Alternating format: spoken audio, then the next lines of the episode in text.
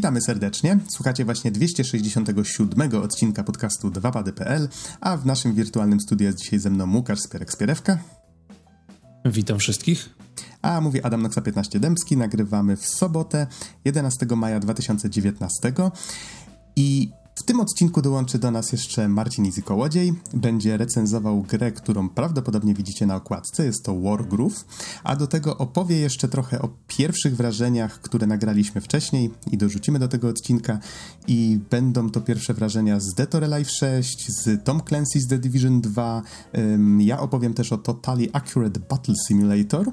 I jeszcze z tego, co sobie zapisałem, Easy opowie jeszcze o grze, która się nazywa Degrees of Separation taki indyk, prawdopodobnie mało znany, a, a może dość ciekawy. E, więc o tym wszystkim będzie mowa za chwilę, a w tej chwili ze Spierkiem porozmawiamy trochę o jednej imprezie, na której Spierek byłeś, nazywa się Amaze, a później być może jeszcze o jakichś pierwszych wrażeniach, no nie wiem, zobaczymy do czego nas tam Zobaczymy rozmowa... dokąd nas mikrofony poniosą, tak. Dokładnie. To powiedz mi właśnie, y, o samym Amaze, bo z tego co się orientuję, a w sumie wiem niewiele na temat tej imprezy, ona ma miejsce w Berlinie co roku i mhm, w tak. tym roku odbywała się 10-13 kwietnia chyba, tak? Dokładnie. Co roku Amaze odbywa się właśnie w Berlinie. W tym roku zmienili miejscówkę z różnych powodów. Jest to 3-4-dniowy festiwal gier indie. Znaczy, gier indie, ale też de facto tak naprawdę jest to festiwal trochę dziwnej rozrywki elektronicznej, nazwiłbym, nazwałbym to. Bo to nie jest de facto festiwal samych, znaczy to nie jest festiwal gier indie w takiej formie, jakiej pewnie o tym myślicie, tylko jest to festiwal na przykład też e, dziwnych e, wystaw VR-owych albo e, niestandardowych gier, które na przykład opierają się na użyciu Kinecta w jakiś tam specy specyficzny sposób. E, jest to ciekawe miejsce do tego, żeby pojechać, żeby jakby poszerzyć swoje wrażenie o tym, co się dzieje w sferze indie oraz grach, które kompletnie nie mają komercyjnie żadnej szansy przetrwania, ale są bardzo ciekawymi rzeczami, które poszerzają horyzonty. Czyli można powiedzieć, że to taka trochę semi-artystyczna impreza? Mhm. Tak, na przykład y, główną nagrodę festiwalu w tym roku wygrała gra, może bardziej experience, którego ja osobiście nie miałem okazji przetestować, natomiast słyszałem o nim bardzo dużo dobrego. E, experience nazywał się Cassin stworzony przez grupę z Islandii. Jest to 20-minutowy VR experience, który polega na tym, że e, widz, e, pojedyncza osoba zakłada na głowę VR-owy headset, po czym zostaje umieszczona w takiej jakby w sześcianie zbudowanym z takich pasków LEDowych, nazwijmy to, w którym siada jakby w środku tego sześcianu i wewnątrz VR, wewnątrz headsetu e, gracz widzi jakby pewien obszar oraz e, głos w słuchawce mówi mu, że pomoże mu się wydostać z tego sześcianu. Podczas kiedy na zewnątrz tego sześcianu e, chodzi prawdziwy aktor, w sensie inna osoba, starając się przekonać gracza do tego, żeby został w tym sześcianie. I jest to jakby taki. Tak, jest to właśnie taki 20-minutowy trochę, trochę teatr, trochę taki właśnie e, performance, e, w którym jakby gracz oraz inny aktor interaktują w tym świecie wierowym. Bardzo żałuję, że nie udało mi się w to tego przetestować, no ale właśnie z racji natury samego experience'u e, była na to lista zapisowa i po prostu nie było dla mnie miejsc, niestety. Coś, czego nawet mając VR w domu nie jesteś w stanie doświadczyć. Tak, dokładnie, bo trzeba tej innej osoby, która jakby wie, jaki jest skrypt i wie, jak ma się zachowywać, więc nie jest to aż takie proste do odtworzenia. E, no, natomiast e, osobiście zagrałem w trzy, znaczy zagrałem w parę innych gier, natomiast e, chyba opowiem o trzech, które mi jakby najbardziej zapadły w pamięć. Jedna z nich to jest Sticky Cats. To jest taki jest gra local multiplayer autorstwa e, zespołu z, jeżeli dobrze pamiętam, Afryki Południowej, e, który polega na tym, że e, chwileczkę, tutaj sobie przygotowują szybko właśnie dane, żeby mieć wszystko na miejscu. Dobrze. E, tak, Sticky Cats to jest. E, zespół się nazywa The Bones Brothers, aczkolwiek wydaje mi się, że też nazywali się Team Laserbeam, nie jestem do końca pewien, i są z Afryki Południowej.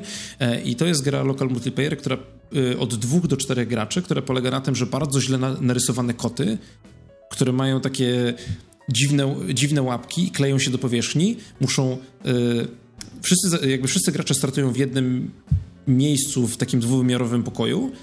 Muszą dostać się na drugiej kranie spokoju, gdzie jest złota rybka w akwarium i następnie uciec z tą rybą za okno. E, okno jest zwykle ulokowane w pobliżu miejsca, gdzie zaczynają, więc jakby wszyscy biegną do jednego punktu, a potem wszyscy biegną w drugą stronę.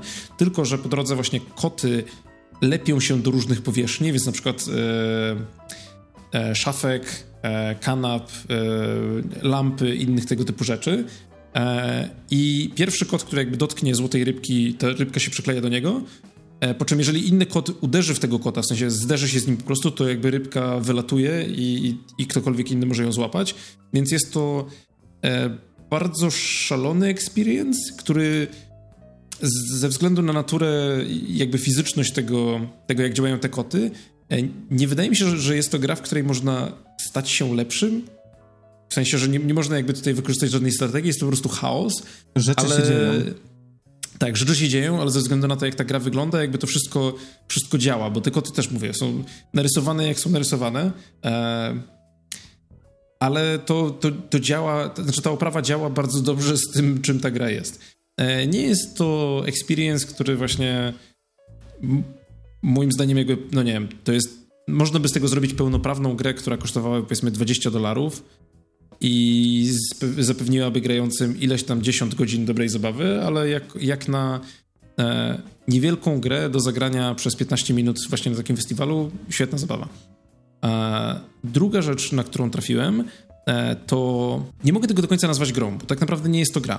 E, Operation Walk jest 20 czy 15, wydaje mi się, minutowym dokumentem, e, który polega na tym, że autorzy nagrali gameplay tego, jak grają w The Division i przechodzą po mieście Nowego Jorku, bo, bo to miasto jest tam właśnie odzorowane wewnątrz gry, e, nie strzelając do nikogo przez cały czas trwania dokumentu, w sensie nie, nie ma jakby, nie, nie, nie napotykają żadnych przeciwników, e, tylko jedyne co robią, to idą przez miasto oraz opowiadają o budynkach, które spotykają w mieście. Więc na przykład, jeżeli trafiają na e, wieżowiec Trumpa, to opowiadają na przykład o, o warunkach powstania tego wieżowcu, że na przykład w nie pamiętam dokładnie jak to było, ale chyba w latach 80., kiedy miasto nie radziło sobie najlepiej, to właśnie e, firmie Donalda Trumpa udzielono e, jakby masywnych e, zniżek podatkowych. Nie wiem, czy to jest właściwy termin. Chyba ulg. W każdym razie, tak, ulg podatkowych. Mhm. E, na zbudowanie tego budynku, który miał trochę zrewitalizować tamtą okolicę, e, a tutaj na przykład w grze jest przedstawiony jako budynek, który chyba nie został jego budowa albo nie została dokończona, albo został częściowo zrujnowany po rozpoczęciu wydarzeń gry, więc jest to taki bardziej e, wycieczka muzealna w takim wirtualnym muzeum, który jest odwzorowaniem realistycznej przestrzeni, ale w formie do którego to odzorowanie nie zostało stworzone, no bo miasto zostało odzorowane w grze po to, żebyśmy mogli sobie biegać po Nowym Jorku i strzelać do bandytów, a tutaj jest to wykorzystane bardziej w celu edukacyjnym, co jest takim ciekawym kontrastem. Mhm, tak przypomina mi to, jak pamiętasz, opowiadałem, jak y, z surferem i znajomymi graliśmy po raz pierwszy Spidermana i też pierwsze co zrobiłem, to zacząłem fruwać i wspominać, o, tu byłem, tu byłem, to jest to i tamto. No. Też na podobnych e... zasadach. Tak, i właśnie cały dokument trwa około 16 minut e, i możecie go zobaczyć na Vimeo, bo jest tam wrzucony w całości, więc jeżeli ktoś jest zainteresowany, to wydaje mi się, że jest to, jest to ciekawy sposób na spędzenie czasu, szczególnie jeżeli graliście w The Division i jakby po prostu przechodziliście przez to miasto niespecjalnie myśląc o tym, o tej przestrzeni, w której się znajdujecie, to to może być takie właśnie ciekawe, ciekawe inne spojrzenie na, na tamto miasto. E, I ostatnią ciekawą grą, o której chciałbym wspomnieć dzisiaj jest Labyrinth. E, to jest gra e, twórcy Space Team. Jeżeli ktoś z Was miał okazję wcześniej zagrać w Space Team, e, to, to powinien wiedzieć mniej więcej dokąd to zmierza. Jeżeli ktoś nie miał okazji zagrać w Space Team, to bardzo polecam. Jest to gra komórkowa dla od 4 do 8 osób. A wydaje mi się, że może nawet mniej. Działa na iPhone'ach i działa na Androidach. Można grać pomiędzy różnymi platformami. Jest to gra w zarządzanie statkiem kosmicznym dla paru osób i wydaje mi się, że można ją pobrać za darmo, więc e, zdecydowanie bardzo, bardzo polecam zagrać w gronie znajomych. E, natomiast Labyrinth to jest e, rozwinięcie podobnych idei, ale w trochę innym kierunku. Jest to podobnie, ponownie gra dla kilku osób, gdzie każdy grający musi mieć swoje urządzenie, to może być telefon, to może być tablet i wszyscy razem musicie, trafiacie do labiryntu pełnego zagadek, musicie odnaleźć skarb i musicie uciec e, z labiryntu przed upływem czasu. I teraz każdy z graczy posiada trochę inny zestaw e, losowo generowanych umiejętności, bo każdy z graczy posiada jakby swoją taką śmieszną klasę postaci, e, która nie daje mu co prawda innych umiejętności, być może to zostanie wprowadzone, bo jeszcze gra jest jakby w trakcie bycia dewelopowaną. E, natomiast każdy z graczy e, trochę różni się od siebie i na przykład niektórzy, niektórzy znaczy w trakcie rozgrywki można na przykład znaleźć e, kawałki papieru, które mają zapisane pewne wskazówki do rozwiązania, e, do rozwiązania zagadek, ale na przykład tylko jeden z graczy z czterech jest w stanie je odczytać.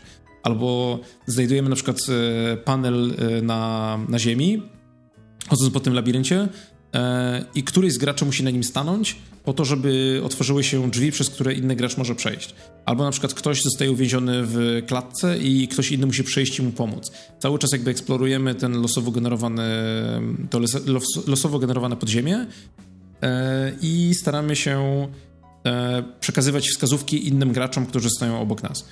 E, grze jeszcze trochę brakuje, w sensie jeszcze widać, że tam jest trochę bugów, jeszcze widać, że trochę nie, niespecjalnie wszystkie zagadki się sklejają do kupy, ale wydaje mi się, że jak gra zostanie ukończona, to będzie bardzo ciekawym doświadczeniem, właśnie bardzo fajną grą do zagrania, właśnie jak siedzimy, nie wiem, na imprezie z paroma osobami i chcemy e, porobić coś razem i porozwiązywać zagadki. Mhm. A powiedz mi jeszcze raz, jeżeli mógłbyś przypomnieć te nazwy, te tytuły wszystkie. E, tak, tak, tak. To pierwsza gra to było Sticky, Sticky Cuts i nie jestem pewien, czy można ją znaleźć po prostu gdzieś w internecie. E, dokument nazywał się Operation Jane Walk. E, natomiast ostatnia gra, ta multiplayerowa gra w zwiedzanie podziemi, to jest Blabirynth. Jakbyśmy chcieli napisać labirynt, w sensie labir labirynth, tylko że z B na początku. O, okej. Okay.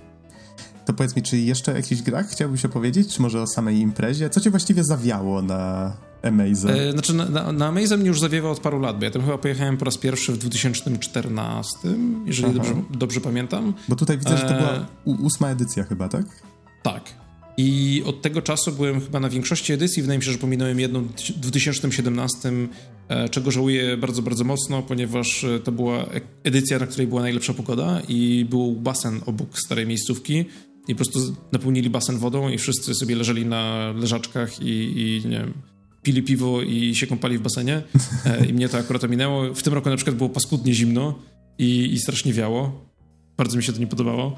Ale jest to przede wszystkim bardzo fajne miejsce do tego, żeby złapać perspektywę na rzeczy, które, no mówię, nie są nastawione na sukces komercyjny, ale próbują ciekawych rzeczy. Nigdy nie miałem tak, że pojechałem na ten festiwal i nie wróciłem z z myślą, że zobaczyłem coś naprawdę ciekawego.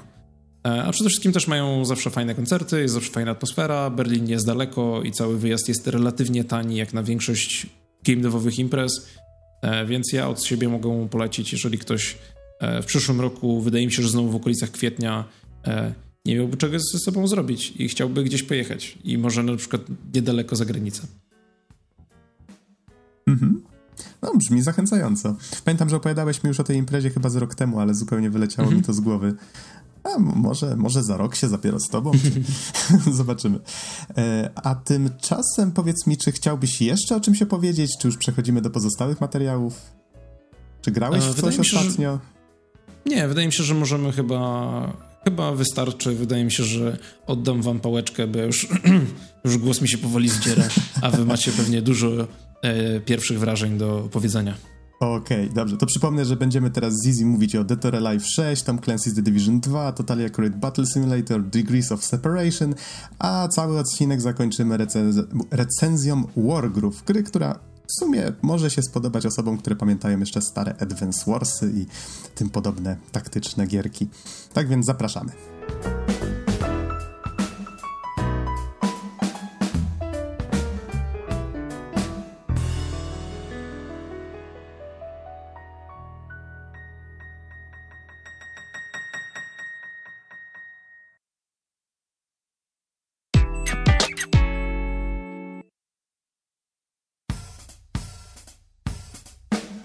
W wirtualnym studiu jest teraz ze mną Marcin Izikołodziej. Hej, hej. A mówi Adam Noxa 15 Dębski, nagrywamy w poniedziałek 8 kwietnia 2019 i Easy teraz opowie nam o paru grach, w które ostatnio grał. Ja w sumie też trochę się dołączę. Mówiąc krótko, będziemy teraz robić takie trochę odczepione od takiego naszego zwyczajowego nagrywania wstępu, pierwsze wrażenia. Um, trochę ze względu na to, że Easy ostatnio strasznie dużo podróżuje i właściwie okazało się, że dzisiaj jest chyba jedyny dzień w całym miesiącu, kiedy mogę go złapać i trochę o grach porozmawiać. No, ewentualnie można by było jeszcze jutro, ale jutro będę biegał, załatwiał różne rzeczy, więc no tak, ostatnio dużo gram y, w podróży, niestety dużo mniej na, na stacjonarnych konsolach, przez co też nie mogłem się do paru tutaj materiałów dołączyć. Czyli Switch, jak rozumiem, y, wykorzystywany w pełni. No, dokładnie. To jest akurat jeżeli chodzi właśnie o takie granie w podróży, to Switch jest rewelacyjny, naprawdę. Mhm. No tak, tak. Właśnie ostatnio na, na, różnych materiałach, przy różnych okazjach troszeczkę cię brakuje, ale mam nadzieję, że prędzej czy później e, jakoś to nadrobimy przy, przy jakichś może większych tytułach. A wracając do tych gier, o których chcieliśmy porozmawiać, no mam tutaj mm, niewielką listę tytułów, ale może na razie nie mówmy, o jakich konkretnie będziemy mówić. Po prostu tak po kolei. Zacznijmy od czegoś, w co graliśmy razem. To znaczy, e, mieliśmy okazję u surfera ograć Dead or Alive 6. Gdzie w kobiety się mucą 6. E, myślę, że ten tytuł też byłby dość adekwatny do tego, co w tej grze się znajduje. Owszem, tak, tak. Tak, tym bardziej patrząc na te, na te wszystkie dramy, które były dookoła e, właśnie najnowszej odsłony, gdzie twórcy mówili, że o dobra, tak, już chcemy przyhamować, chcemy się skupić na, na mechanice i że teraz będzie dużo bardziej dorosła gra i będzie mniej fanserwisu. Jak się ktoś nie orientuje może o co chodzi, to yy, w ogóle twórcy serii Dead or Alive, w sensie bijatyk, jeszcze oprócz tego wydają grę, która się nazywa chyba Dead or Alive Volleyball, Extreme Volleyball? Czy... Yy, Dead or Alive Extreme Beach Volleyball. Okej, okay, dziękuję. E, tak, gdzie wszystkie te panienki, te bohaterki e, grają sobie w siatkówkę plażową, w bikini i tak dalej i tym podobne. Są jeszcze minigierki, na przykład spychanie się pośladkami do basenu. Nie znam aż takich szczegółów, ale cieszę się, że e, chociaż jedna, osoba, jedna osoba z nas się orientuje, chociaż cieszę się, że, że jeden z nas wie. E, także móc się podzielić tą wiedzą. Research. Research. E, ale tak, to pokazuje chyba twórcy przede wszystkim te gry sprzedają. Niemniej tak, to co chyba było najważniejsze w serii The or Life, ja co prawda wgrałem tylko w piątkę ze znajomymi. Co chyba, o, to jest już dobry wyznacznik, bo ta gra była reklamowana pewnym featurem, który polegał na tym, że po każdej wygranej walce zwycięzca mógł poruszać padem i w ten sposób um, wprawiać w ruch pewną część ciała bohaterek. Gra była reklamowana w telewizji nawet takim featurem, eee, więc tak. Nie wiem coś, ale już wcześniej inna gra miała taki feature. Aha. Na Playu Trójce. A tak Metal Gear Solid 4. Naprawdę? Tak, jak się gadało z Rose, to można było wtedy Six Axisem właśnie machać i przy okazji machało się... Ach.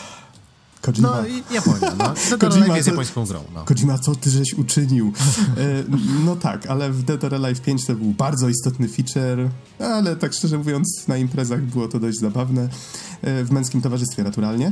E, no i właśnie, i twórcy, tak jak wspomniałeś, przy szóstce chcieli zrobić tak zobaczyli, że na zachodzie raczej odchodzi się od tego typu, że, że, jest to niemile widziane i chcieli trochę stonować, chcieli bardziej właśnie postawić na, jak oni to nazywali, że chcieli, żeby to był taki mm, symulator walki? To w sumie za dużo powiedziane, ale, ale chcieli bardziej postawić właśnie na, nacisk na tą, y, na ciekawe ukazywanie walki, trochę może bardziej brutalne, y, ale tak, też takie tak. bardziej sportowe niż, niż właśnie powiedzmy Tekken czy, czy Street Fighter, tak?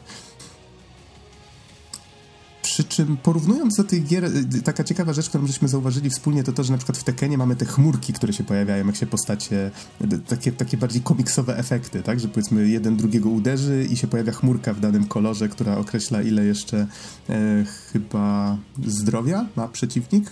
Yy, nie, nawet nie, to w zależności od typu, typu ataku. Aha, okej. Okay. A, to już wiem, z, oni mi się pomyliło. Tak, A, tak, tak. Y, są, są niektóre efekty można włączyć właśnie w Tekenie, gdzie rzeczywiście pokazuje się, ile obrażeń się zadaje, a przynajmniej jakieś, powiedzmy, jakieś wartości liczbowe, niekoniecznie odpowiadające prawdzie. ale e, rzeczywiście tutaj tak jakby twórcy, e, czyli Team Ninja, e, właśnie powiedzieli, że starają się to zrobić trochę bardziej poważnie, trochę poważniej podejść do tego jako do bijatyki.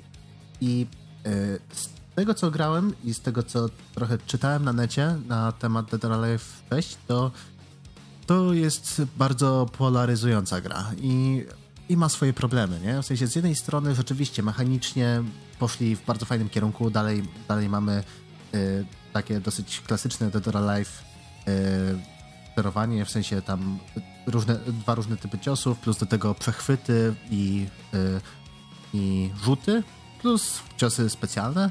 Jest to fajnie wymieszane, dodano y, nowy pasek, który możemy odpalać supera, Y, lub inne po prostu wzmocnione wersje, wersje ciosów.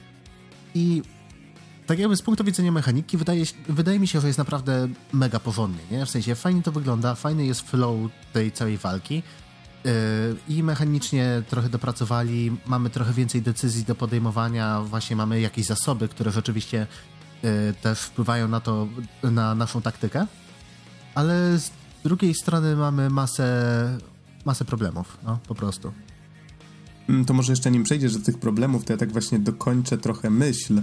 E, to znaczy, e, w, w jaki sposób ukazywane są na przykład te albo inaczej, w jaki sposób starano się sprawić, że te takie ataki pozbawione tych komiksowych chmurek czy innych tego typu rzeczy będą atrakcyjne. Mamy na przykład zbliżenia w trakcie niektórych ataków, które pokazują w spowolnionym tempie, jak pięść uderza o, o twarz bohatera lub bohaterki i, i właśnie, nie wiem, jakieś sińce się pojawiają, pod gdzieś tam strzela w bok i, i tego typu rzeczy, więc potrafi to być dość obrazowe. Co prawda mam wrażenie, że nie wszyscy, którzy na to patrzyli, yy, odnosili wrażenie, że jest to lepsze niż takie komiksowe ukazywanie.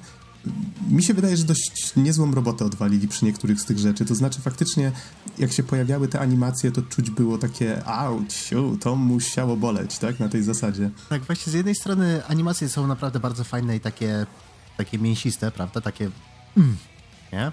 Ale z drugiej zabrakło mi tutaj tej, tej yy, tak jakby oprawy dźwiękowej. Yy, w sensie, jak postacie się biją, to brzmi trochę jak, nie wiem, jak Hanka wpadająca w kartony, no.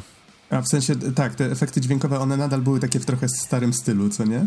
Tak, są, są takie właśnie, brakuje im trochę mocy. Jakby rzeczywiście to trochę, trochę dopracować to, w sensie właśnie wszystkie efekty dźwiękowe, efekty uderzeń y, zrobić takimi bardziej wyrazistymi, plus do tego, nie wiem, może jakieś takie lekkie trzęsienie kamery czy coś, to, to rzeczywiście by robiło dużo lepsze wrażenie.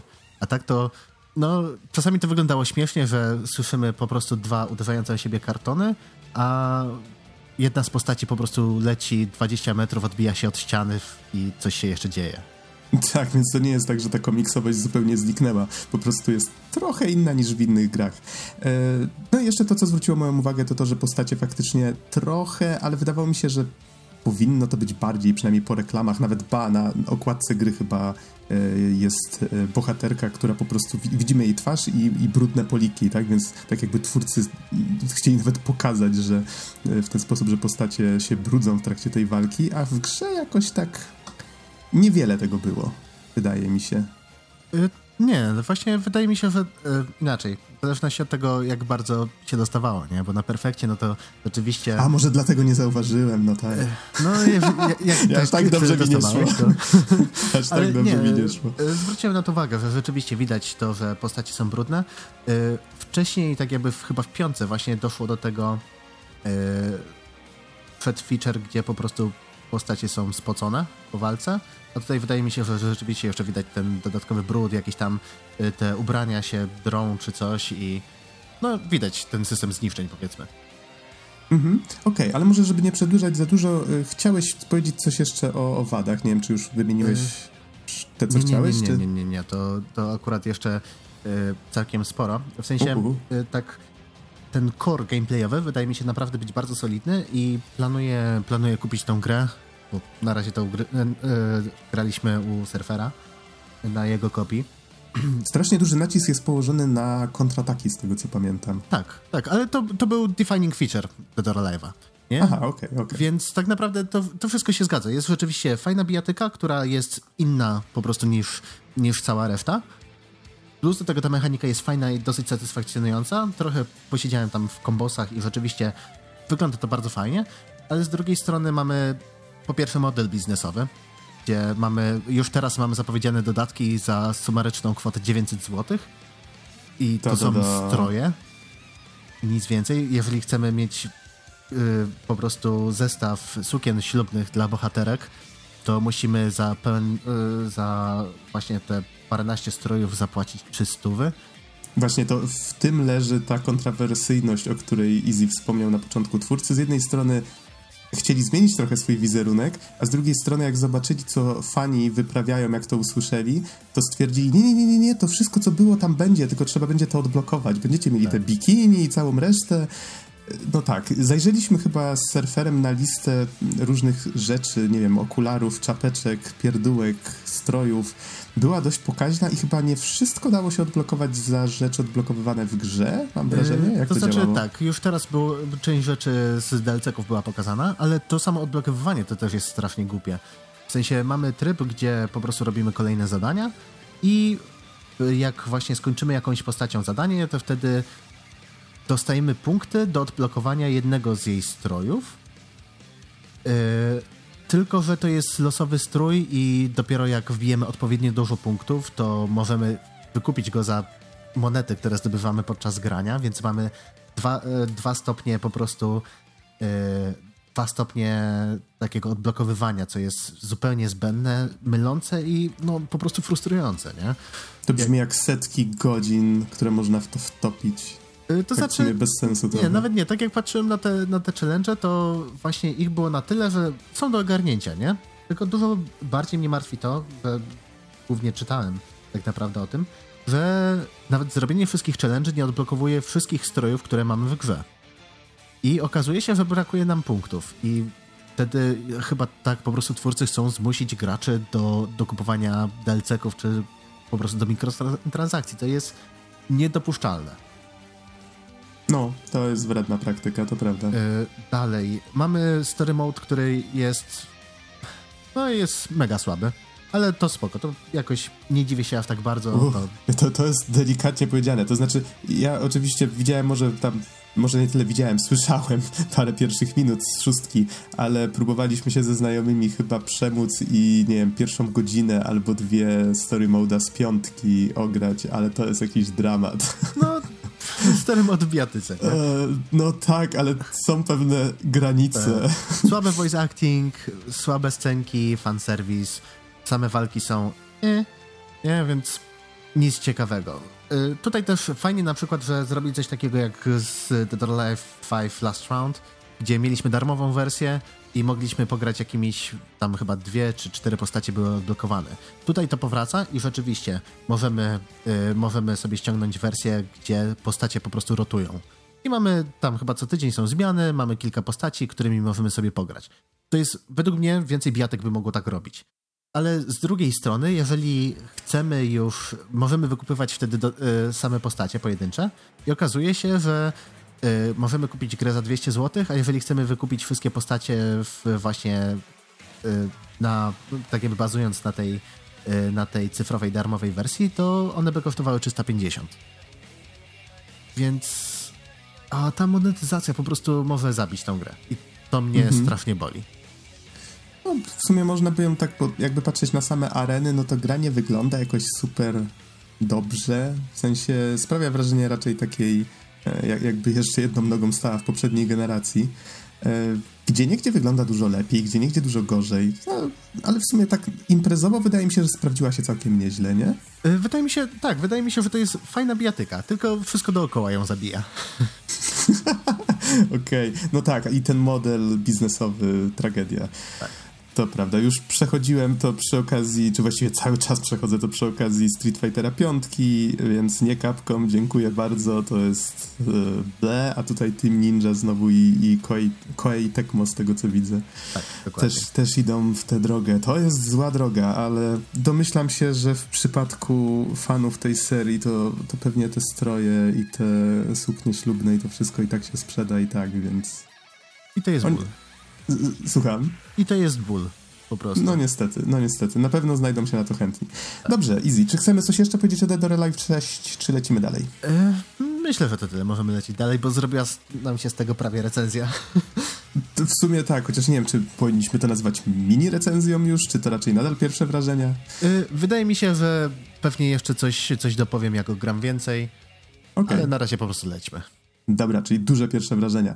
E, lecimy dalej. Widzę, że grałeś w The Division 2. Tak, zgadza się. I The Division, jakie jest, każdy widzi.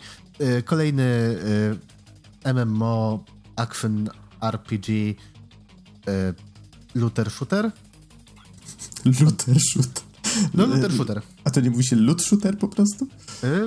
No, Looter shooter też brzmi dobrze, no nieważne. Brzmi jeszcze lepiej, co nie? Looter shooter. Co, co robisz? Lutuję i strzelam. No. Yy, I tak naprawdę okay. to jest to jest The Division 1 plus 1, no. W sensie yy, może nie ograłem jeszcze zbyt dużo. Yy, mam tam, nie wiem, z 4-5 godzin wbitych. Yy, grałem głównie na solo. Ale jest przyjemnie. W sensie widać, że, że Ubisoft y, to znaczy bardziej Massive Entertainment, e, wyciągnęło wnioski z tego, jak, jak wypuścili pierwsze The Division, jak ono się zmieniało, jak kolejne patche, dodatki i tak dalej wpływały po prostu na odbiór gry i zebrali wszystkie te lekcje, ułożyli swoje notatki i zrobili The Division 2. I rzeczywiście jest naprawdę fajne. W sensie, dobra, dalej, dalej fabularnie to jest na zasadzie jesteśmy tymi y, agentami Strategic Homeland Division, tym razem cała akcja dzieje się w Waszyngtonie i to jest chyba 7 miesięcy po, po tak jakby y, rozpoczęciu tej epidemii, która była w Nowym Jorku.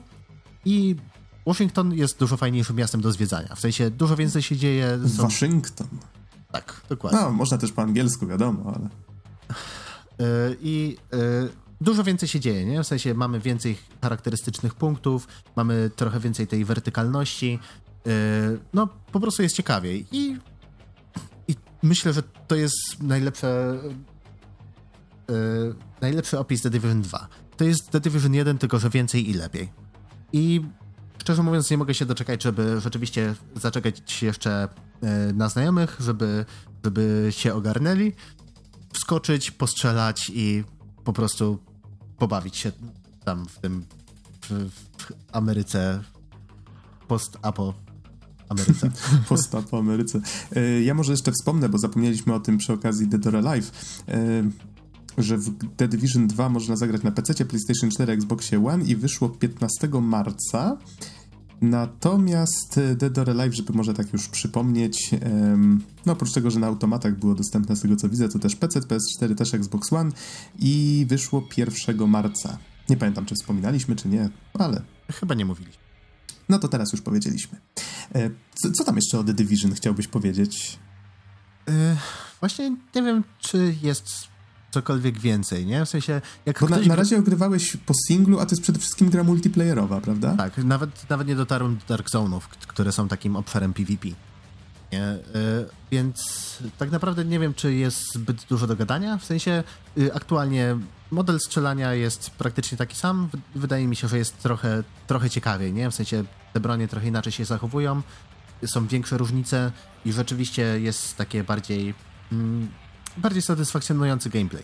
Plus do tego mamy więcej umiejętności do, wykup do wykupywania plus, y, i, i ulepszania, więc dzieje się, no po prostu dzieje się więcej. Jest przyjemniej, jest więcej i ładnie to wygląda będzie śmiesznie wyglądać na zasadzie a nie no, The Division 2 spoko, fajne i w ogóle e, o Dead or Alive 6 trochę w sumie zjechaliśmy, ale nie no, analiza musi być. Więc tak, panie, panie w bikini lejące się po twarzach chyba wygrały.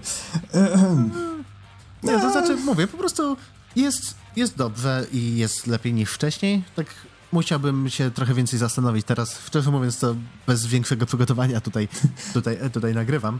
Pół żartem, pół serio, mówię, spoko. Um, no dobrze, skoro ja w The Division 2 zupełnie nie grałem, więc tutaj nie mam nic do powiedzenia, nawet w jedynkę nie grałem, więc tutaj tym bardziej nie mam nic do dodania.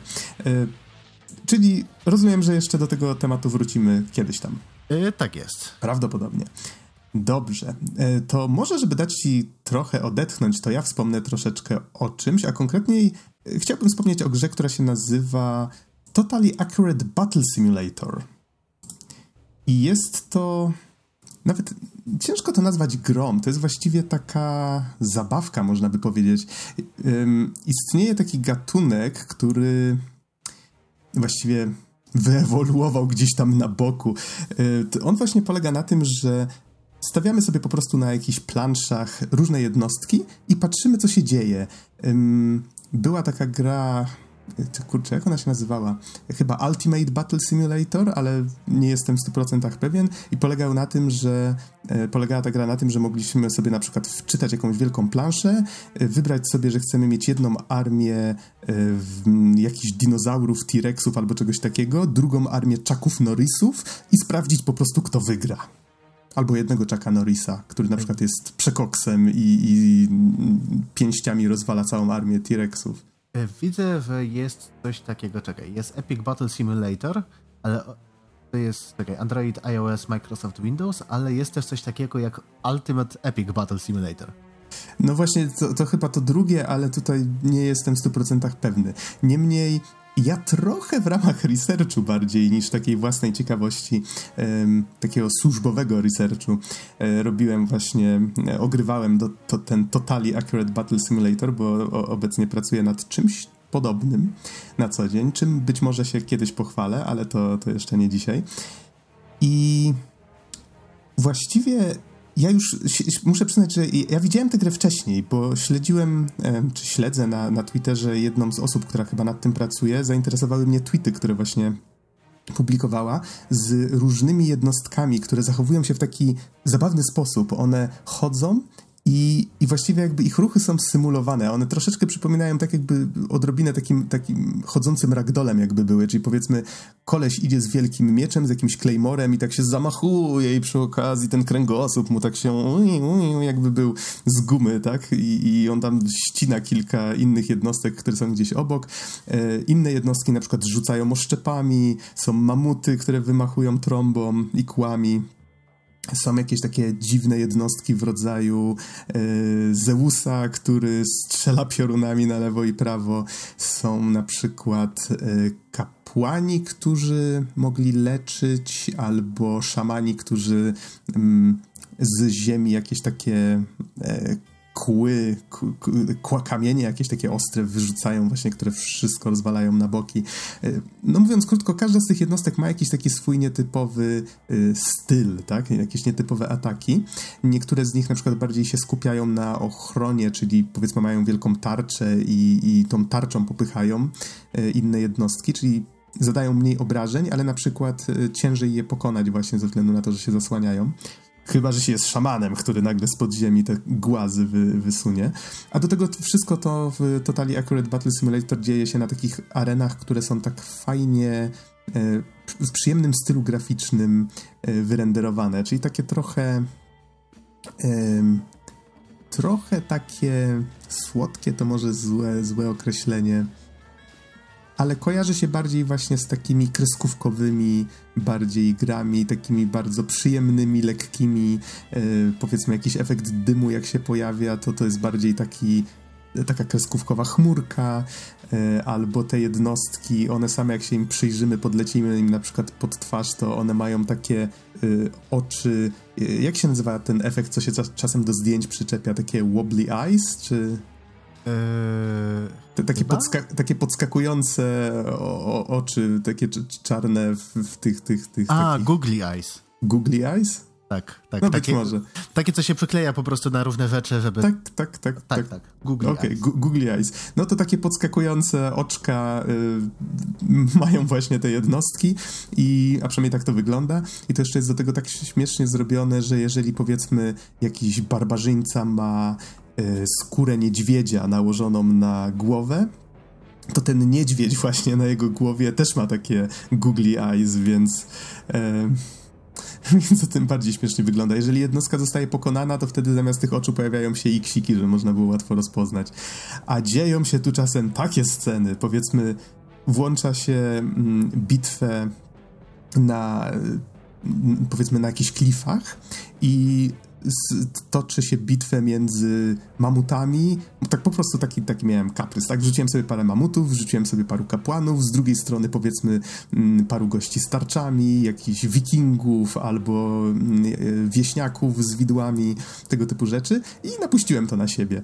No i nagle jeden z... I ze względu na to, że to jest wszystko tak właśnie symulowane w trakcie ten, ten ruch i, i, właśnie reakcja na jakieś powiedzmy nierówności terenu, albo to, że jakaś jednostka kogoś popchnie, albo, albo właśnie ktoś gdzieś odfrunie i uderzy w kogoś innego. I nagle się okazało, że jeden z mamutów noga mu się gdzieś tam pomsknęła i pofrunął gdzieś w dół w tym klifie i, i, i do morza runął gdzieś indziej powiedzmy e, drugi mamut chyba się przewrócił i, i masę tych innych żołnierzy gdzieś tam tak fu, na, na, na boki e, rozdmuchał. Więc dochodzi tu do wielu różnych takich śmiesznych sytuacji, tylko nadal jest to bardziej zabawka. To znaczy jest tutaj tryb właśnie takiej e, piaskownicy. Można się bawić po prostu rozstawiając co chcemy, na jakiej arenie chcemy ale jeżeli ktoś chciałby mieć jakiś cel, no to jest tutaj tryb kampanii, który jest bardzo prosty w zasadach. Polega po prostu na tym, że mamy kolejne misje, które odblokowujemy, i każda z nich jest e, predefiniowana od strony przeciwników. I my musimy, za, mając jakieś tam niewielkie zasoby, czyli powiedzmy każda jednostka kosztuje ileś tam punktów, i my mamy ograniczoną liczbę tych punktów, musimy je wydać tak, żeby ułożyć sobie taką armię z dostępnych jednostek, żeby wygrać tę bitwę. No i zaczyna się oczywiście łatwo, tam powiedzmy e, jakieś takie właśnie e, z jaskiniowcami mamy niewielką misję, potem powiedzmy e, średniowieczną, potem jeszcze jakąś inną, potem te ery zaczynają się jakoś tam mieszać z wikingami, z innymi rzeczami, potem to już wszystko jedno, czy bierzemy jakieś walkirie, czy minotaury, czy inne tego typu rzeczy. Więc okej, okay, jest to dość fajne. Widzę, że gra zgarnia masę pozytywnych opinii na Steamie. 1677 recenzji pozy bardzo pozytywnych y, w tej chwili. Miała swoją premierę raptem 1 kwietnia. dobry, do, dobry dobór premiery, muszę przyznać, jak na coś tak zabawnego. No i grę stworzyło studio Landfall, z tego co widzę. No i cóż, czy, czy mogę coś takiego polecić, czy nie? Właściwie jest to dość zabawne, jeżeli kogoś to. Jeżeli kogoś to zainteresuje po obejrzeniu paru filmików, jest to całkiem fajna rzecz.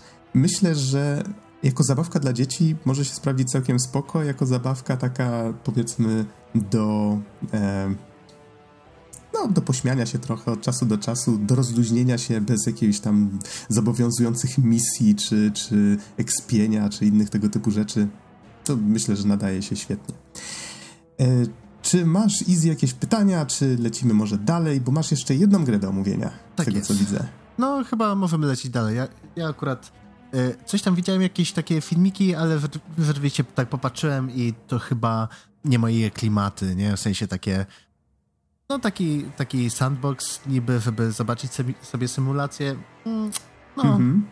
Wiesz co, to jest właśnie o tyle ciekawe, że mam wrażenie, że te gry zyskały popularność chyba głównie dlatego, że mamy teraz takie czasy, że ludzie strasznie lubią robić filmiki z, mhm. z różnych gier. Jeżeli gra jest ciężka do przewidzenia, co się stanie, bo powiedzmy coś się symuluje właśnie w jakiś ciekawy sposób, to mam wrażenie, że to wpływa właśnie na atrakcyjność takich rzeczy. No ogólnie wiesz co, strasznie mi się to skojarzyło zarówno z wydanym przez Double Fine y, Gang Beasts, to się nazywało? O tak, muszę w to kiedyś zagrać, wygląda fajnie. Y, jest, jest fajne, w sensie jest głupie, sterowanie jest ciężkie, ale jak się gra ze znajomymi, to jest po prostu złoto. Nie? Taki beat'em up, gdzie postacie też są takie właśnie jak z gumy. Tak, tak. I jeszcze drugie skojarzenie to było Human Fall Flat. A, o tym też... A, słyszałem o tym i widziałem to kiedyś, no, to ale też takie grałem. gumowe mhm. ragdole i takie bardziej zagadki fizyczne. W sensie oparte na fizyce gry. Mhm. No dobrze, ale to przejdźmy dalej. I teraz coś bardziej standardowego, a może jednak nie, bo widzę tutaj są jakieś takie dość nietypowe pomysły, zaraz być może opowiesz o tym trochę więcej. E, gra się nazywa Degrees of Separation, tak? Dokładnie. I jest to platformówka, w którą gra się w dwie osoby, czy jedna osoba kieruje dwoma? Jak to działa? Czekaj, po kolei. 14 no. lutego tego roku wyszła na PC Windowsowe oraz na Switcha. Mhm. A tutaj... wyjdzie też na coś tak. innego? Tak może zobaczę na stronie. A, jest... na stronie jest PS4, Steam, tak. Xbox One i Switch. Mhm. Chyba na razie jeszcze nie ma daty, chociaż nie jestem, nie jestem pewny. Ja akurat y, właśnie wziąłem na, na Switcha, bo bo podróżuję. No i widzę, tak. że tutaj na karcie Steamowej też jest 14 luty, tak? Mhm, dokładnie. Mhm. I właśnie. O, i tu, tutaj jest w większości pozytywne recenzje, ale niestety tylko 26. Auć. Tak. No, trzy czwarte no, recenzji, ale. To, właśnie, to jest ten problem e... właśnie z indykami i. No, tak. trudno jest się wybić przy takim nadmiarze tytułów, jaki się teraz ukazuje. Wydaje mi się, że to też jest dosyć jednak niszowa. E E, niszowy tytuł, niszowa produkcja, bo Degrees of Separation to jest e, dwuwymiarowa platformówka logiczna, która jeszcze kładzie nieco nacisku na samą narrację, na fabułę, którą, na historię, którą stara się przedsta przedstawić. I co tutaj jest ważne, to właśnie za tą warstwę fabularną odpowiadał Chris Avalon, który jest znany w branży z wszystkiego, nie? W sensie... Wow, naprawdę? Tak, no. O, no proszę. Myślę, że to też dzięki temu jednak trochę się wybili, nie? W sensie coś tam, coś tam było wiadomo, co nie zdobyli e, tego wydawcę, nie? I dzięki temu będą multiplatformowi. E, ale e, tak naprawdę tak wewnątrz to, to jest dosyć prosta tak koncepcyjnie gierka. W sensie mamy dwie postacie, Ember oraz Raima, którzy tak jakby reprezentują sobą powiedzmy właśnie ogień, ciepło, lato oraz zima, zimno, lód, śnieg. Prawda? I oni spotykają się w pewnym momencie i muszą razem podróżować, żeby tak jakby, żeby odrodzić królestwo. Prawda? I to, co właśnie tutaj twórcy, e, twórcy bardzo fajnie zrobili, to jest to, że oni, e, że Ember i Rhyme tak jakby mają swoje domeny, nie? W sensie będzie dookoła każdej, dookoła tych bohaterów po prostu tak jakby manifestuje się no, ten żywioł, którym władają, prawda? Widzę, że I... na przykład jedna postać, bo ekran jest przedzielony i tak nawet ciężko powiedzieć, że na pół, bo ta granica ona jest ruchoma, tak. ale powiedzmy, jak jedna postać jest zawsze na jednej stronie tego ekranu, druga na drugiej, to na przykład po stronie Ember woda jest rozmrożona, a Rime może się po niej poruszać, bo wszystko jest zamarznięte. Dokładnie. I tutaj właśnie tak skacząc nad sobą yy, i tam yy, wchodząc w interakcję po prostu z otoczeniem, rozwiązujemy kolejne zagadki. I właśnie tak, tak jak powiedziałeś, y, Ember spokojnie może pływać w wodzie i może się przedostać dalej, gdzie Rime, jak się tylko do, do wody zbliży, to będzie warstwa lodu i będzie mógł po niej swobodnie chodzić. Y, będziemy w kopalniach, gdzie są takie, tak jakby takie, nie gejzery, tylko takie właśnie takie szczeliny, z których gorące powietrze bucha. Jak podejdziemy do nich Ember, to wtedy zostaniemy wystrzeleni właśnie w kierunku, w którym, w którym wieje, a z kolei jak Ryan podejdzie, to wtedy zostaną one wyłączone. I właśnie całość, cała dynamika rozgrywki się na tym opiera, żeby współpracować ze sobą, w sensie współpracować dwóch, y, dwóch tudzież dwoje graczy, albo y, właśnie między postaciami y, współpracować grając w pojedynkę, żeby... A da się grać w pojedynkę? Da się. Aha. I żeby właśnie wtedy... rozwiązywać te zagadki takie środowiskowe. I wtedy przełączamy się. się. Mhm. A to właśnie... sztuczna inteligencja kieruje drugim graczem wtedy, czy po prostu musimy zawsze kierować jedną i drugą na przemian? Yy, to znaczy musimy na przemian w tak, takim inaczej. Jak mamy jakąś konkretną zagadkę, to wtedy przeważnie musimy na przemian, bo to wymaga od nas, żeby dobrze ustawić właśnie tą granicę między, yy, między domenami. Yy, ale jak normalnie gdzieś podróżujemy i nie przejmujemy się samymi zagadkami, to wtedy możemy jednym przyciskiem po prostu włączyć tryb follow i druga postać za nami biegnie. Ewentualnie po prostu okay. przyjdzie do nas i, i tyle. Nie? A ty grałeś w pojedynkę, czy z y, kimś? W pojedynkę. Okay. Niestety w podróży ciężko ciężko Ach, no, znaleźć no, no tak. chętnych do gry. Tak, ale właśnie y, wydaje mi się, że jeszcze chwilę pogram, ale nie wiem, czy nie zaczekam po prostu, żeby z kimś zagrać na spokojnie, bo wydaje mi się, że to może być naprawdę takie bardzo fajne doświadczenie. W sensie y, trochę mi brakuje takich gier, które by właśnie promowały lokal y, couch co-op, gdzie możemy sobie usiąść właśnie z drugą osobą, pogadać i pograć, porozwiązywać zagadki, tym bardziej, że ta oprawa może nie jest jakaś najpiękniejsza. Widać, widać że to jest indyk po prostu. Tak, wszystko jest rysowane chyba ręcznie, ale mhm. czuć i po animacjach, i właśnie trochę po wykonaniu, że e, ten styl, no on nie jest jakiś takich najwyższych lotów. Tak. Jest po prostu okej. Okay. Tak, jest, jest spoko, nie? I rzeczywiście to, jak e, płynnie po prostu przebiega granica i widzimy, gdzie e, gdzieś tam w tle drzewa pokrywają się fronem, to robi nawet wrażenie i bardzo fajnie to wygląda w ruchu jak się będziemy przypatrywać pojedynczym elementom, to rzeczywiście, no, najpiękniej nie jest, ale y, tak czy siak wydaje mi się, że gra może być warta rzeczywiście tam y, pociśnięcia, pograć trochę więcej, tym bardziej, że tutaj, y, tak jak mówiliśmy, Chris Avalon nad tym pracował, a on jakby na to nie patrzeć, zna się na grach i zna się na tworzeniu narracji. No wiesz, to jeszcze nie znaczy, że twórcy dobrze to wykorzystali, ale no. Prawda. Ale dlatego ciekaw. właśnie mówię, że warto spróbować.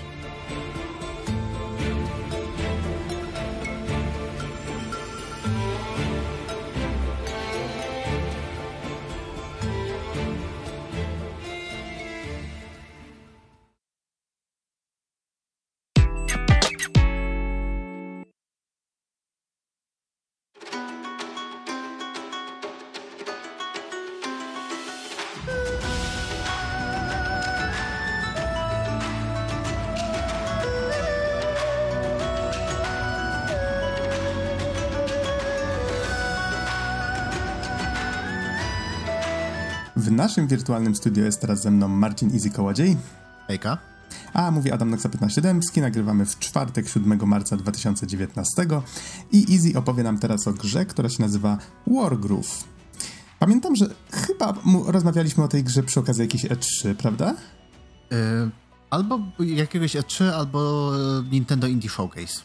Już mówiąc, nie jestem pewny, ale na pewno gdzieś poruszaliśmy. Mhm, tak, tak, bo to gra, która bardzo przypomina mm, Advance Warsy, chyba też Fire Emblem, akurat z Fire Emblemem mam bardzo mało wrażeń, więc ciężko mi porównać, ale Advance Wars zdecydowanie tutaj tak, czuć, czyli taką tak, tak. małą strategię y, turową. Powiedz mi, Easy, kiedy gra wyszła, na jakie platformy? Yy, Okej, okay, to tak, to yy, premiera miała 1 lutego 2019 roku, więc jest to relatywnie świeża gra, tak naprawdę. Wyszła na Switcha, PC-ta y, Windowsowego, Xbox One oraz na Playa 4 dopiero wyjdzie. Y, nie ma jeszcze potwierdzonej daty premiery, z tego co wiem. Y, deweloperem i wydawcą jest Chucklefish, który jest znany z wydawania małych indie gierek, jak choćby Stardew Valley.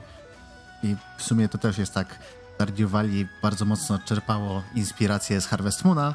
Z kolei tutaj właśnie w Wargroove, jak zauważyłeś, jako to jest taka strategia turowa bardzo mocno inspirowana serią Advance Wars. Tylko z paroma takimi spinami i twistami. Ale o tym na moment. Mhm. E, to może zacznijmy od historii, czyli o ile jest jakaś historia, jest to jakaś fabuła, którą śledzimy? Yy, tak, jest fabuła. Co prawda może nie jest najwyższych lotów. Widać, że to nie było tak jakby celem, celem deweloperów. Yy, bierze siebie tak nie do końca na poważnie, naśmiewa się właśnie z takich paru rzeczy bardzo, bardzo growych a tak naprawdę, y, tak naprawdę całość wydarzeń dzieje się y, w, na kontynencie Aurania, gdzie dochodzi do konfliktu między y, Cherrystone i Felheimem. To są dwie takie nacje, które nigdy nie były w dobrych stosunkach. Później jeszcze w to zamieszane zostają kolejne dwie, czyli Gloom, Gloomwoods oraz Heavensong.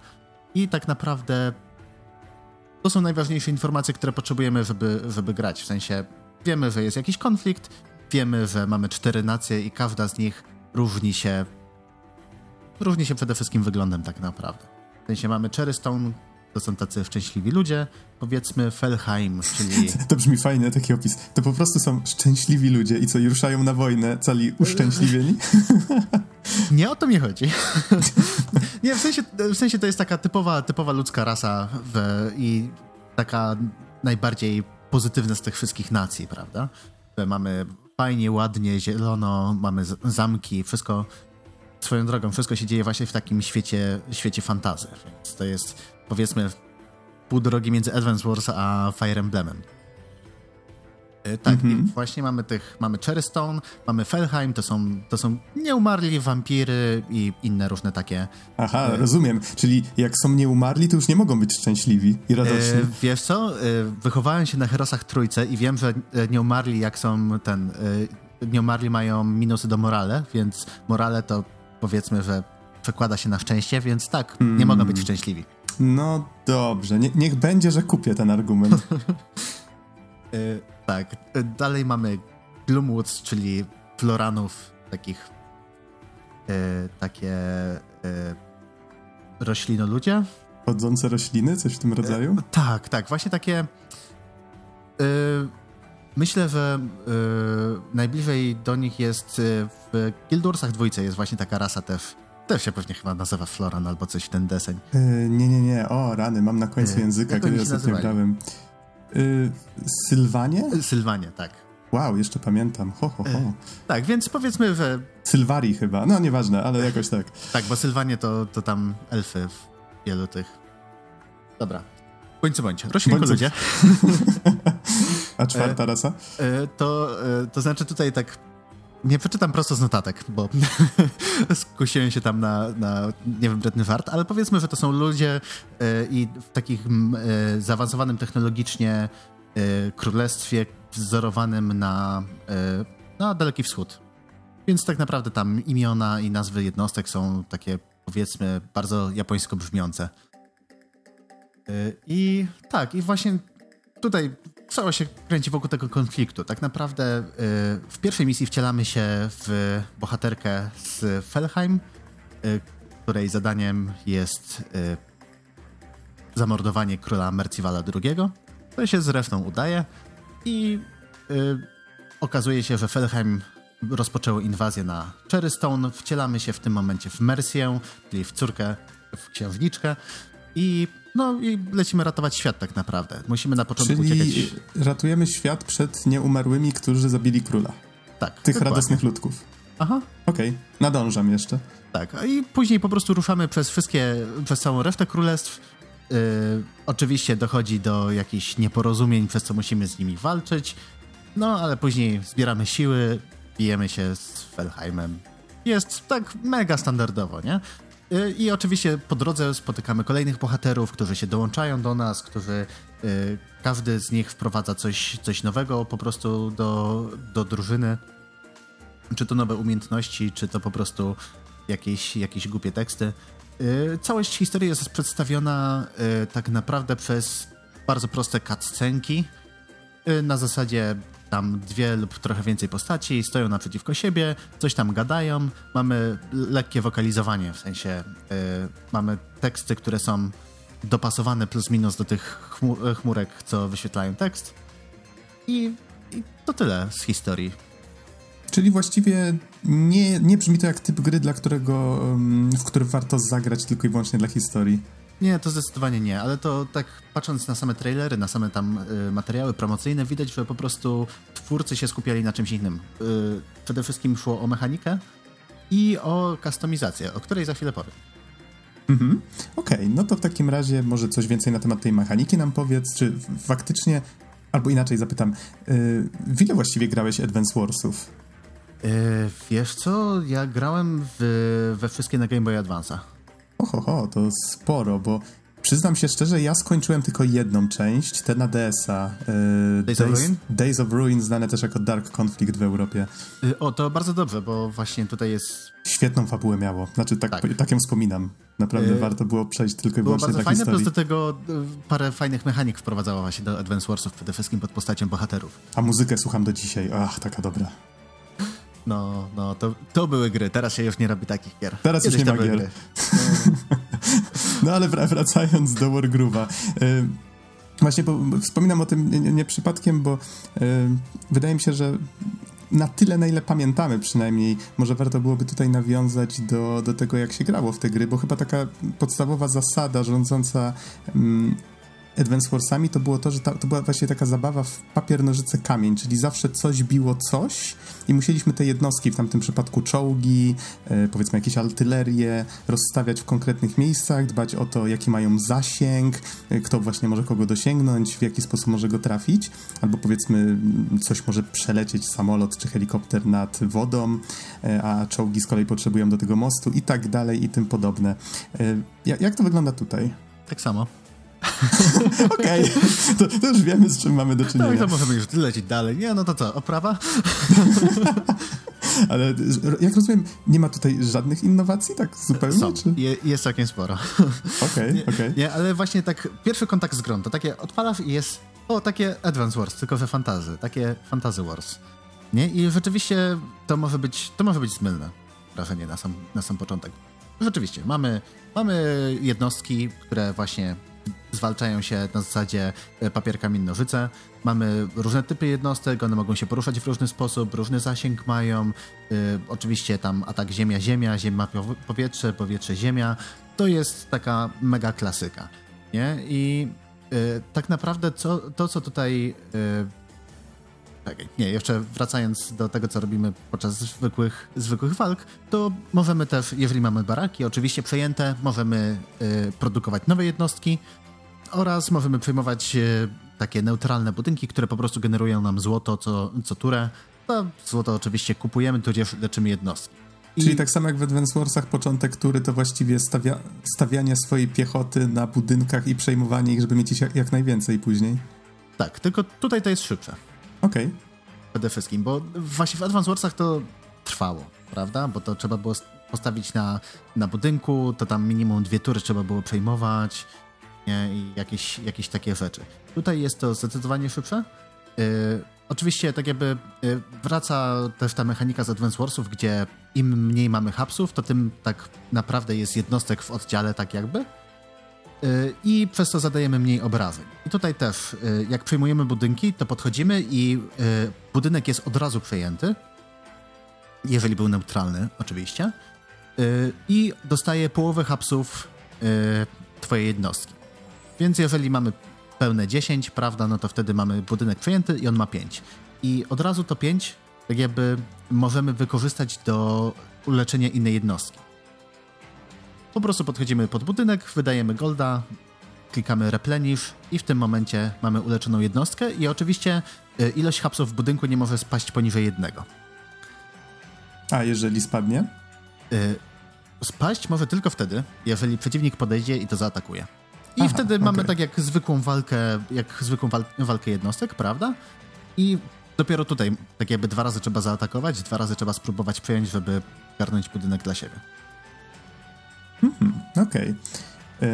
Z tego, co tak sobie oglądam tutaj na drugim ekranie e, gameplay i widzę, że nawet walki wyglądają identycznie, czyli nagle pojawia się okienko E, w którym podzielone na pół. Z jednej strony są właśnie jednostki jednego gracza, czy właściwie, mm, jak rozumiem, sztucznej inteligencji, bo nie wiem, czy tutaj jest multiplayer.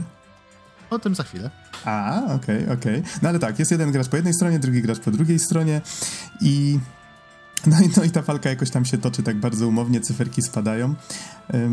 Powiedz mi, czy tempo jakby jest takie w miarę sprawne, czy wydaje się to powolne? Jak, jak to tutaj wygląda? Yy, to znaczy sama animacja? No tak, czy... czy... można to na przykład przewijać? Wiem, że wiele osób, znaczy tak teraz ogrywam front, całą serię Front Mission, więc też tak trochę przez pryzmat tego patrzę, że grając w tego typu gry zawsze na początku się ogląda te animacje, one są fajne i w ogóle, ale im więcej czasu się z tą grą spędza, tym bardziej chciałoby się to wszystko no, szybko przewijać albo wyłączać zupełnie i żeby tak, nie można, tracić czasu. Można i przyspieszać i można wyłączać, więc spokojnie warto, y, to znaczy na pewno warto y, właśnie zobaczyć te pierwsze ataki. Te jednostki podstawowe są takie, są ok, nie? W sensie są fajnie, ładnie animowane, tak, tak z charakterem, ale przede wszystkim bohaterowie mają bardzo fajne animacje i rzeczywiście widać, że masa pracy została w nie włożona, ale ja też po paru misjach po prostu stwierdziłem, że to trwa trochę zbyt długo, no i wyłączyłem animację zupełnie. I dopiero od czasu do czasu, jak tam właśnie pojawi się nowy bohater, no to wtedy znowu włączam na jedną misję, żeby zobaczyć, jak to wszystko wygląda. Mhm. Okej, okay, to powiedz, co jeszcze chciałbyś powiedzieć na temat mechaniki? Yy, to tak, yy, to co jest ważne, jeszcze yy, oczywiście różne typy terenu, każdy daje jakieś tam plusy do obrony albo minusy. Normalka. Ale to, gdzie y, Wargroove się różni od Advance Warsa, to to, że każda jednostka y, ma y, tak zwany warunek krytyczny. Innym słowem, jeżeli zostanie spełniony ten specjalny warunek, to wtedy jednostka zadaje do, dodatkowe obrażenia. I to jest mega ważne, żeby wykorzystywać. Ogólnie tak jakby cały nacisk Wargroove'a, tak jak w Advance Wars to było bardziej budowanie jednostek, rozstawianie ich w taki bardziej strategiczny sposób, tak tutaj w Wargroove'ie ważne są szybkie, taktyczne decyzje na zasadzie jak wykorzystać 100%, 100% potencjału jednostki w danym momencie i ewentualnie później ją zastąpić jakąś inną. Y, Plus do tego pozycjonowanie się na mapie też jest bardzo ważne i nawet nie wiecie ile razy zginąłem przez to, że nie popatrzyłem, że przeciwnik może do mnie podejść i zaatakować bohatera z czterech stron. Oj, oj, oj, easy. Tak, no bardzo łatwo przegrać. To od razu ostrzegam, że gra nie wybacza takich błędów, a czasami A, to misje też są dosyć długie. To się wydaje właśnie dość istotna informacja. Czy ten poziom trudności od początku jest taki przerypany, czy raczej to tak rośnie? Y, rośnie, ale też to nie jest coś takiego, że jest nagle jakoś mega, mega ciężki, co po prostu y, jako, że najczęściej gram na Switchu już praktycznie przed snem i czasami człowiek tak już nie koncentruje się w 100% na grze, A tu nagle przeciwnik z czterech stron, no i się dziwisz, no.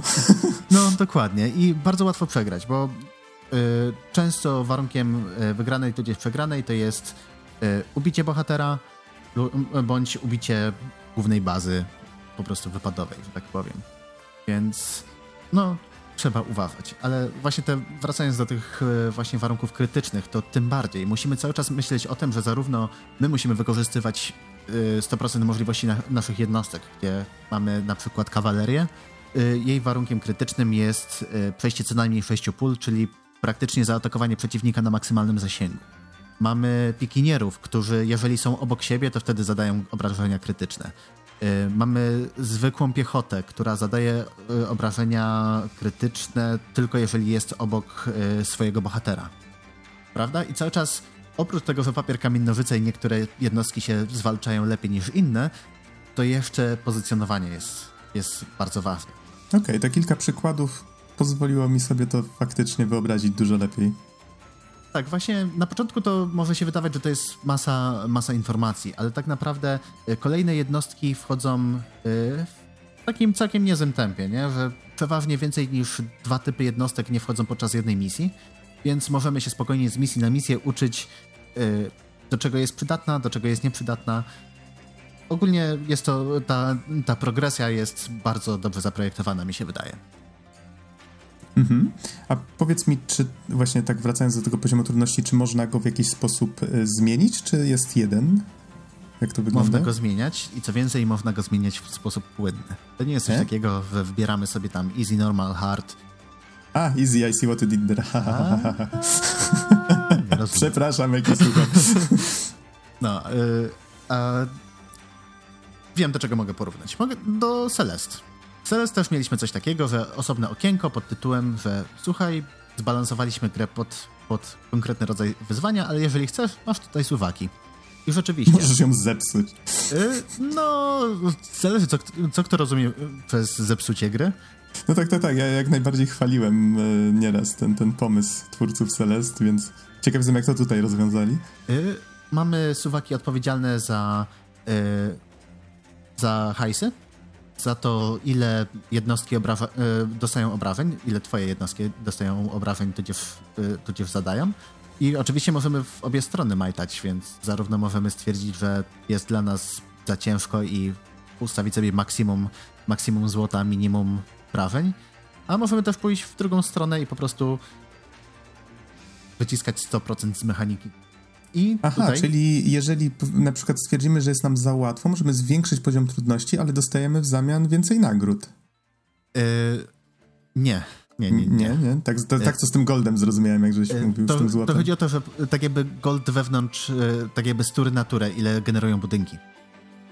Aha, okej. Yy, A co do nagród, to jeżeli sobie ustawimy łatwiejszy poziom trudności, to wtedy zdobywamy mniej gwiazdek w trakcie kampanii, które z kolei możemy wydawać na odblokowywanie jakichś tam koncept arty, trochę muzyczki, jakichś takich popierdółek. Okej, okay, czyli teraz rozumiem, możemy zwiększyć powiedzmy ile my zadajemy obrażeń, ile zarabiamy kasy, zmniejszyć obrażenia przeciwnika, ale dostajemy za to mniej tego, tych punktów, gwiazdek, tak? tak? Okej, okay. mhm, okay, już wszystko się klei. I jeszcze jedną rzecz można ustawić i jest to szybkość generowania yy, umiejętności groove bohaterów.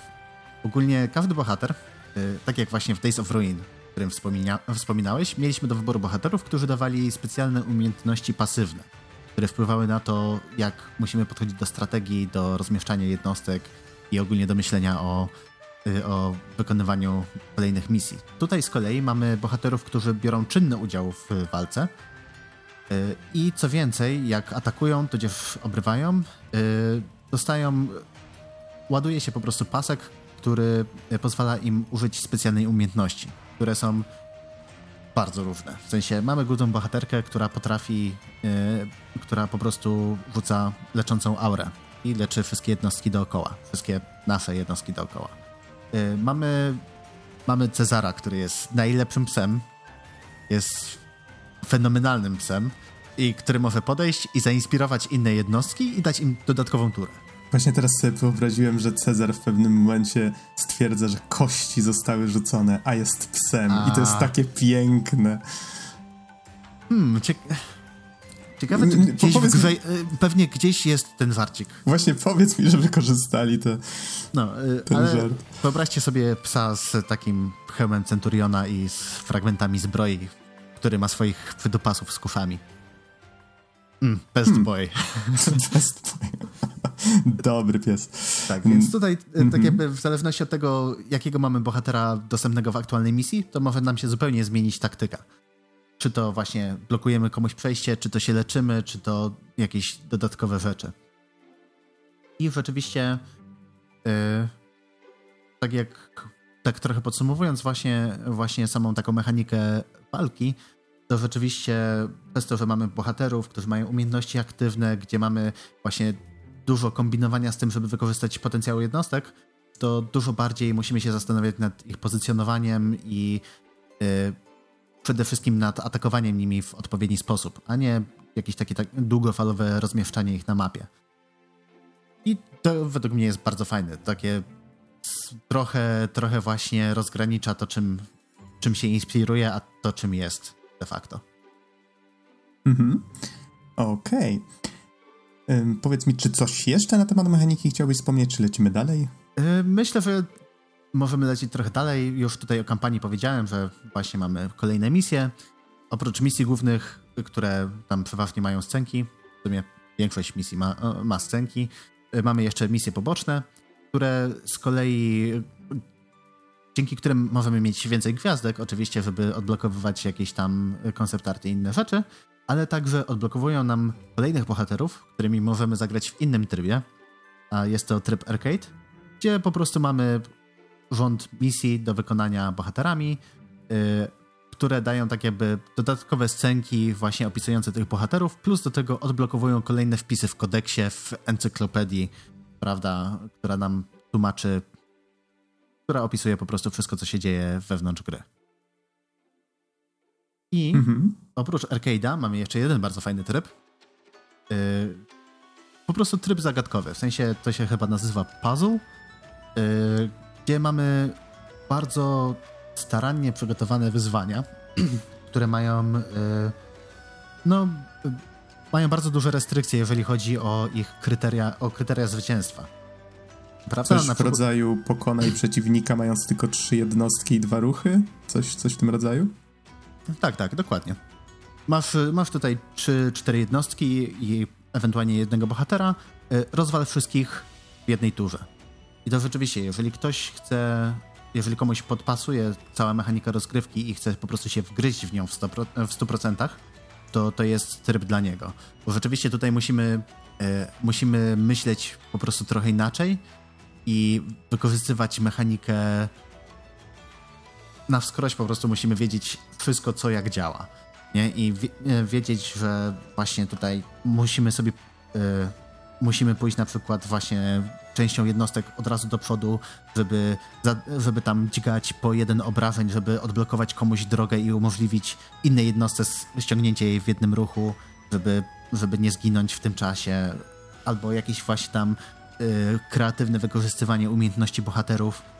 Y, jest naprawdę, jest wymagające, ale jest bardzo fajne i świetna rozkmina. Naprawdę, to tutaj kudosy dla twórców, że tak starannie przygotowali te, te mapy, że mają konkretne rozwiązania.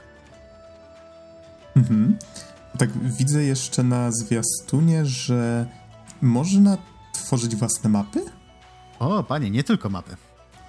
Aha. E, możemy tworzyć własne misje, które też mogą mieć e, jakieś specjalne efekty, typu. E, o, wiem, o czym nie wspomniałem odnośnie mechaniki. To mamy coś takiego jak pogoda. I pogoda też wpływa na to, ile obrażeń zadają jednostki, jak daleko mogą chodzić. Mamy na przykład mgłę, która powoduje, która jest mgłą wojny, po prostu.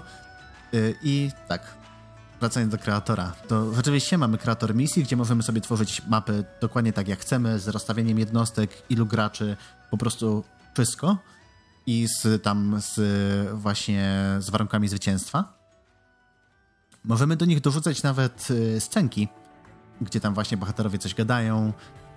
Mamy po prostu pełny edytor, który umożliwia nam stworzenie własnych kampanii. Możemy pisać własne dialogi? Tak, możemy. Ho, ho, ho. Ciekawe. I możemy je udostępniać innym graczom, możemy spokojnie wrzucać, wrzucać w internet yy, i po prostu są community, które się zajmują tworzeniem kampanii. Zresztą nawet jak utworzy się pierwszą kampanię yy, tą customową, to wtedy przy odpalaniu tak jakby nowej gry, tudzież kontynuowaniu, wtedy mamy wybór, yy, wybór kampanii takiej właśnie z listy i widać, że po prostu ta główna kampania jest tylko jedną z nich. Więc to jest praktycznie narzędzie, w którym stworzono całą kampanię Urgruwa. O, to, to jest interesujące. A powiedz mi, czyli nie, nie ma problemu z tym, żeby poza stworzeniem jednej misji, żeby faktycznie stworzyć taką całą paczkę. Ona, jak rozumiem, jest rozpoznawana jako kampania, nie trzeba dociągać i szukać po nazwach, czy to jest na pewno część tego samego zestawu zrobionego przez tego Nie, nie, to, jest, to jest po prostu kampania i tak naprawdę okay. jak, jak tworzymy kampanię, to wtedy mamy, do, mamy całą, mamy pustą mapę świata i po prostu przeciągamy sobie kolejne yy, kolejne takie jakby klocki, od, odpowiednie ikonki, czy to jakieś miasto, czy to góra, czy to właśnie morze i tak dalej i po prostu ustawiamy, ok, no to w tej misji chcę, żeby się odpaliła ta misja, w tej misji ta tutaj, yy, te dwie będą głównymi, tutaj sobie stworzę jeszcze side mission i możemy po prostu zaprojektować całą kampanię po kolei z podziałem na akty ze wszystkim. No to muszę przyznać, jest całkiem imponujący atut. W sensie, o ile trochę mnie zniechęca to, że faktycznie ta fabuła jest tam raczej taka bardzo umowna, to kto wie, czy gracze nie zrobią czegoś e, własnego, tak? W oparciu o te same asety. Tak, właśnie y, tak naprawdę będę musiał dopiero przysiąść do tego i y, zainteresować się, gdzieś poczytać jakieś reddity bardziej, ale rzeczywiście to jest jest świetnym, świetnym narzędziem, naprawdę. Podoba mi się, że oddali praktycznie wszystko graczom na zasadzie macie, bawcie się. Mhm. Okej, okay. jeszcze o jednej rzeczy w, o jedną rzecz pytałem i tak wymijająco odpowiedziałeś, w sensie, czy jest w grze multiplayer? Jest. O. Jest multiplayer, jest zarówno lokalny, jak i online, więc spokojnie możemy grać. Y, co więcej, można też, y, jeden z graczy może być tak jakby powiedzmy mistrzem gry i w, y, wtedy na przykład między turami zmieniać warunki pogodowe, takie rzeczy, więc...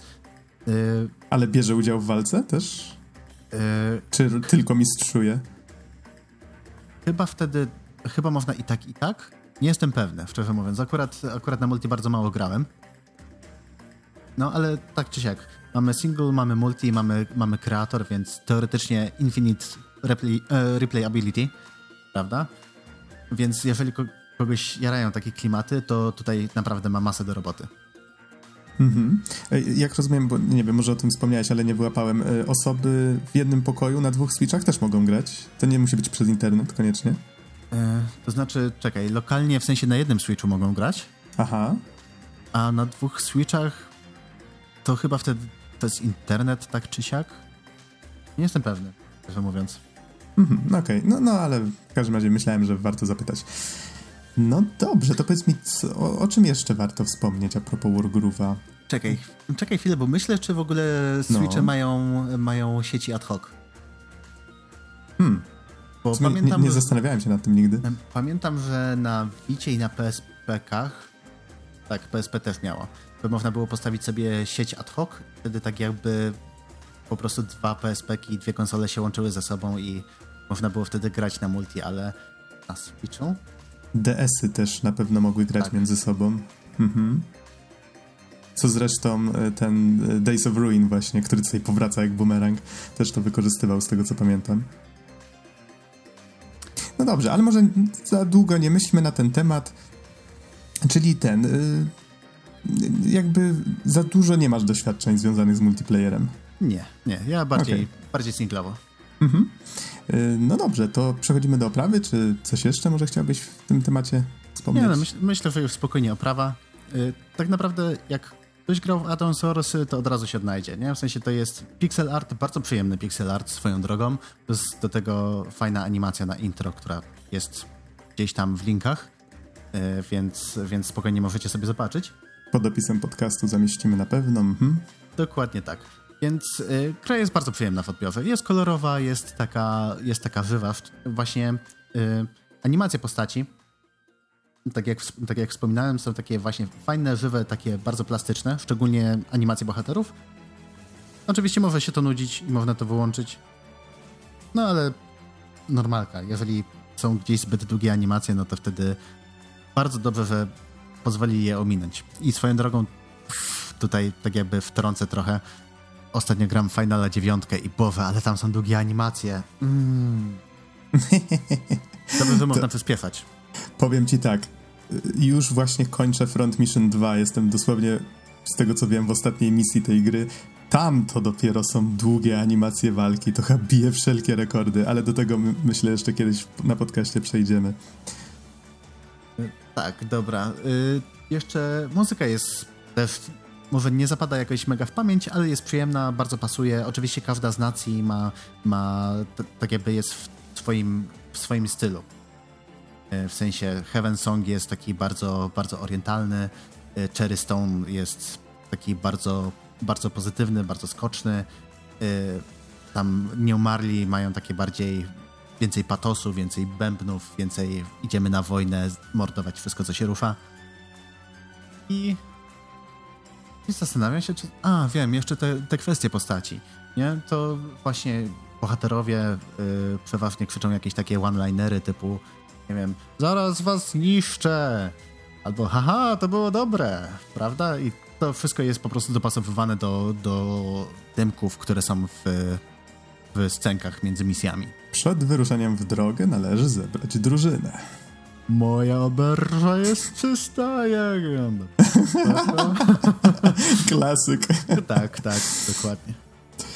Mm. E, więc no, można się pożegnać z pełnym voice actingiem, ale jak najbardziej to rozumiem, tym bardziej, że mamy edytor i tam też możemy jakoś spróbować dopasować. I... Mhm. To powiedz mi, skoro już powiedzieliśmy o prawie, mechanice, właściwie ch chyba o wszystkim, co istotne, powiedz mi, komu przede wszystkim byś polecił? Jakbyś podsumował? A, i może jeszcze jedno pytanie. Ile przede wszystkim zajęło ci ukończenie tej kampanii? Wiesz co, ciężko mi powiedzieć. Niestety Switch nie, nie udostępnia y, dokładnej ilości godzin y, spędzonych w grach, a że tutaj trochę arcade'a, tutaj trochę puzli, tutaj trochę czegoś tam, tutaj trochę kombinowania, to nie mam pojęcia. Ale jest tego naprawdę sporo. W sensie są misje, potrafią trwać niektóre nawet po 40 minut do godziny. Mhm. Potrafią być wymagające. Czasami w 59 minucie dostaniesz. Twój bohater zostanie obleżony i musisz zaczynać od początku. A jakbyś miał tak y, na oko ocenić, jest to gra na kilkadziesiąt czy na kilkanaście godzin, y, jeżeli Bardziej ktoś chciałby? kilkanaście godzin i to z zrobieniem części side missions, jak mi się wydaje. No, to jest, to jest fajna gierka, żeby sobie gdzieś wziąć właśnie, nie wiem, czy to podróżujemy, czy to w komunikacji miejskiej, czy to gdziekolwiek. Nie, żeby grać na, na stacjonarnej konsoli, czy na PC, tylko właśnie według mnie na Switcha to idealnie pasuje, bo możemy w dowolnym momencie wziąć, wyciągnąć, pograć, zapauzować i wrócić w dowolnym innym momencie. Więc prawda, to zajmie sumarycznie paręnaście godzin, ale tak naprawdę to y, nie odczujemy tego po prostu grając tak, tak przyrostowo. Mhm. Czyli wracam do tego pytania, komu właściwie polecasz? Czy tym fanom Advance Wars, czy może fanom e, Fire Emblem? Y- Czy w ogóle gier taktycznych? To znaczy tak, y, fani Advance Wars odnajdą się momentalnie. Co prawda, Wargroove bardziej nastawia, y, bardziej kładzie nacisk na takie decyzje ad hoc, które podejmujemy, na takie decyzje na teraz, w tej, ewentualnie w przyszłej turze, a nie na jakieś długofalowe planowanie. Ale spokojnie, jak tylko zauważy się tą różnicę, to wtedy spokojnie się wsysną. Y, Fani ogólnie taktycznych gier myślę, że będą zadowoleni, bo to jest naprawdę bardzo fajna, bardzo przyjemna giereczka. Co prawda nie oferuje, y, nie oferuje zbyt rozbudowanej fabuły, jakichś, nie wiem, y, patetycznych historii pokroju, y, pokroju Fire Emblema, gdzie jest rada polityka i mizianie waifu po głowach. Y, ale... W Days of Ruin nie ma mizienia waifu po głowach, jest lepsze w takim bądź razie. y, tak, zależy y, kto, komu W na czym zależy. Hmm. Emblemach jest mizianie waifu po głowach, ale tylko w japońskich wersjach, bo w E? europejskich to zostało wycięte. Naprawdę? Tak, ale O. za to można dmuchać y, na swoje waifu, w sensie, Co? no Fire, Fem, e, Fire Emblem Fates, Zaczynamy zmierzać w bardzo dziwnym kierunku z tą recenzją. Fire Emblem Fates y, są scenki, jak tam właśnie y, bohaterka, z- tudzież bohater, z, który, z którymi się y, romansuje właśnie protagonistą, protagonistką, wychodzą spod prysznica i żeby pomóc im wyschnąć, można dmuchać do mikrofonu. Zapytam tak, Wargroove nie ma takich feature'ów. Nie, nie ma. to, to, to, nie jest, to nie jest wschodnia gra. To wiele tłumaczy. Wracając, jeżeli jesteście fanami taktycznych gier, czy to Advance Wars, czy to Fire Emblem, czy jakichkolwiek y, innych takich relatywnie prostych, y, prostych mechanicznie y, gier taktycznych, które jednak stawiają trochę wyzwania i możemy znaleźć zarówno, zarówno single player, zarówno kampanię, zagadki, które y, zmuszają nas dużo mocniej do myślenia, y, albo nawet chcemy pograć na multiplayer, albo wyżyć się y, właśnie twórczo, tworząc swoje misje, swoje kampanie, swoje scenki, to jak najbardziej w zasadzie Wargroove według mnie naprawdę warto.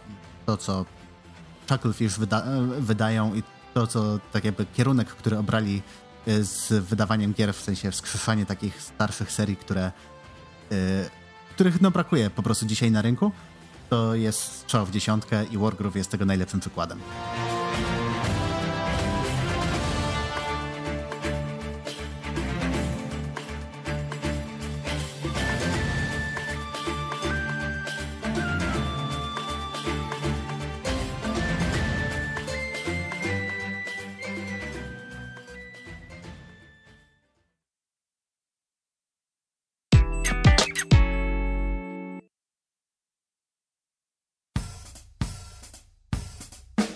To już wszystko na dzisiaj. Dziękujemy Wam bardzo za uwagę i do usłyszenia w następnym odcinku. Trzymajcie się.